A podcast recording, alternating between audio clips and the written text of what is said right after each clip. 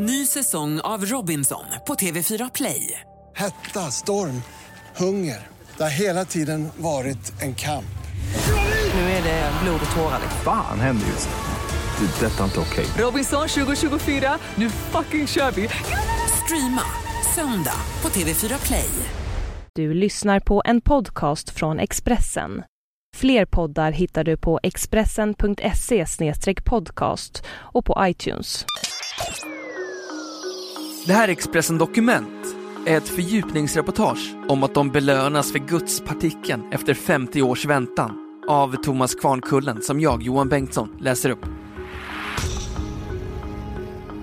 Peter Higgs, 84 år, fick vänta i nära 50 år på att hans teori skulle visa sig stämma.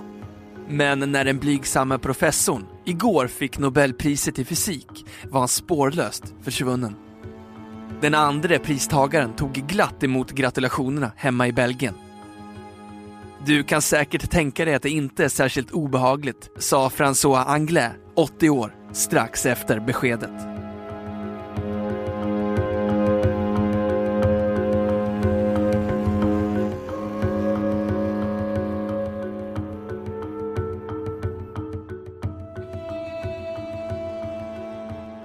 På universitetet i Edinburgh i Skottland ringde telefonerna oavbrutet under stora delar av eftermiddagen igår. Men mannen som reportrar från hela världen ville tala med fanns inte anträffbar. Hemma hos professorn var det tomt och släckt och på hemtelefonen möttes den som ringde bara av en telefonsvarare. Professorn verkar ha följt med i förhandsspekulationerna och anat vad som skulle ske. Vänner och kollegor förklarade gång på gång igår att Higgs, känd för att vara mycket blyg, var på resa för att undvika all uppståndelse om han skulle vinna priset. Higgs hade heller inte någon mobiltelefon med sig för att slippa ta emot gratulationer eller behöva berätta för journalister om hur han kände sig. Strax innan telefonerna började ringa på universitetet i Edinburgh hade Kungliga Vetenskapsakademins presskonferens i Stockholm försenats med nästan en timme innan beskedet till slut kom. Detta års pris är för något litet som har stor betydelse, sa Staffan Normark, ständig sekreterare i akademin. Den vetenskapliga resan som nu lett till att två av fysikens stora forskarnamn belönats med Nobelpriset har pågått under flera decennier. Upptäckten, eller förutsägelsen, handlar om den så kallade Higgspartikeln. Den förklarar hur partiklar kan få massa genom Higgspartikeln, som är kraftbärande och därmed världens uppbyggnad. Den ska göra det möjligt att förklara hur universum existerar. Under 60-talet la flera forskarteam fram teorier på just det här området. Ett belgiskt team bestående av den ena pristagaren, François Anglais, och hans nu bortgångna kollega, Robert Braut, förde fram sina uppgifter först. Några veckor senare publicerades en artikel av britten Peter Higgs. Han var då först med att förutsäga att partikeln existerade. Senare kom även liknande teorier från ett team med de amerikanska forskarna Carl Hagen, Gerald Guralnick och britten Tom Kibble. Peter Higgs utvecklade sin teori när han under några veckor efter att den första artikeln publicerats var ute och vandrade i Skottland, skriver The Independent. När han senare ville få en ny artikel om ämnet publicerad ratades den eftersom innehållet citat “inte hade något värde för den fysiska vetenskapen”. Slutcitat.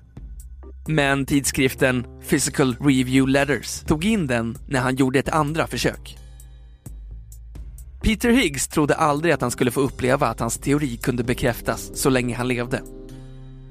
Förra året förstod han att han hade haft fel. Då, efter 49 år, kunde Higgs-partikelns existens bevisas efter framgångsrika experiment med hjälp av en partikelaccelerator vid kärnforskningsorganisationen CERN i Schweiz. Upptäckten kallades en av de viktigaste inom fysiken.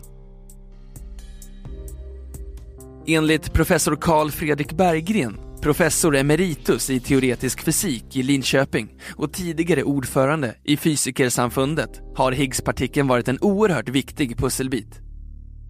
Utan den hade teorin som beskriver hur de minsta partiklarna växelverkar med varann, standardmodellen, inte fungerat. När Higgspartikelns existens förra året hade bekräftats i partikelacceleratorn på gränsen mellan Schweiz och Frankrike firade de inblandade med champagne. Och Peter Higgs, som vid tillfället var på besök vid CERN, sågs på bilder ta av sig glasögonen för att torka tårarna. Då sa han, enligt Daily Mail, det är verkligen helt otroligt att det har hänt under min tid i livet.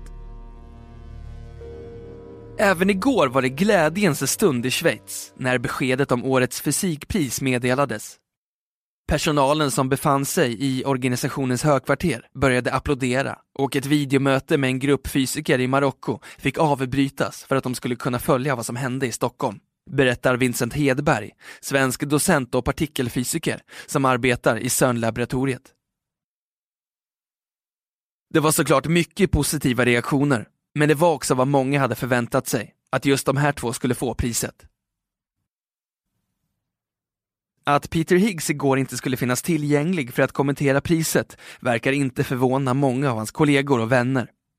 Professorns ovilja att synas är välkänd och han sägs enligt The Daily Telegraph vara generad över att partikeln fått hans namn. Trots det har han alltmer fått vänja sig vid att vara en offentlig person. Det är inte ovanligt att människor kommer fram till honom och ber om en autograf, skriver The Independent. Professorn hade igår förberett ett uttalande som skickades ut från universitetet i Edinburgh. I det förklarade han jag är överväldigad över att ta emot det här priset och tacka den svenska akademin. Jag skulle också vilja gratulera alla de som har bidragit till upptäckten av denna nya partikel och min familj, mina vänner och kollegor för deras support. Jag hoppas att det här erkännandet av viktig vetenskap kommer att hjälpa till att sätta fokus på hur viktigt det är med Blue Sky-forskning. Den andra pristagaren, François Anglais, fanns dock snart efter att nyheten meddelats med via telefon och berättade att det försenade beskedet först fick honom att tro att priset hade gått till någon annan. Sen fick han veta att priset var hans. Han passade på att hylla sin brittiske kollega Peter Higgs. Han utförde ett viktigt och utomordentligt arbete, sa han. Samtidigt som Higgs och Anglais uttryckte sin glädje över att få priset och hyllades av stora delar av fysikervärlden fanns också de som inte var lika positiva. De övriga forskarna som på 60-talet hade kommit med sina teorier var inte förtjusta i att man höll fast vid regeln att max tre personer kan få priset. Den amerikanska forskaren Carl Hagen hade redan inför priset sagt till The Daily Telegraph att han hellre såg att ingen fick ta emot det istället för att bara någon eller några av de som arbetat med teorin skulle få det. Efter offentliggörandet igår uttryckte han sin besvikelse. Luften gick naturligtvis ur mig lite grann eftersom Svenska Vetenskapsakademin valde att hålla fast vid sin gamla regel om högst tre pristagare. Det är inte en rättvisande bild av hur det ligger till, men jag gratulerar Higgs och Anglais. De måste vara mycket nöjda, sa han till nyhetsbyrån TT. Han menade att samtliga forskare på området bidragit till att upptäckten kunde bli verklig och att pristagarnas forskning inte varit bättre än hans och de övrigas. Vincent Hedberg säger att de amerikanska forskarna spelat en stor roll men menar att akademins regler gör det komplicerat. Vad Peter Higgs ska göra med sin del av prissumman, de får dela på 8 miljoner kronor, är av förklarliga skäl inte känt. Inte heller François Anglais hade något svar på det igår. Men de väntas båda vara med när priset delas ut i Stockholm den 10 december. Och för Peter Higgs innebär Nobelpriset att han kan ha ytterligare en ceremoni att närvara vid inom en snar framtid. I hemlandet Storbritannien talas det nu om goda chanser för professorn att få en adlig titel.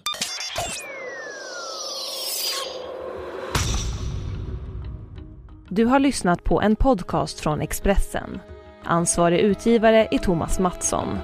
Fler poddar finns på Expressen.se och på iTunes.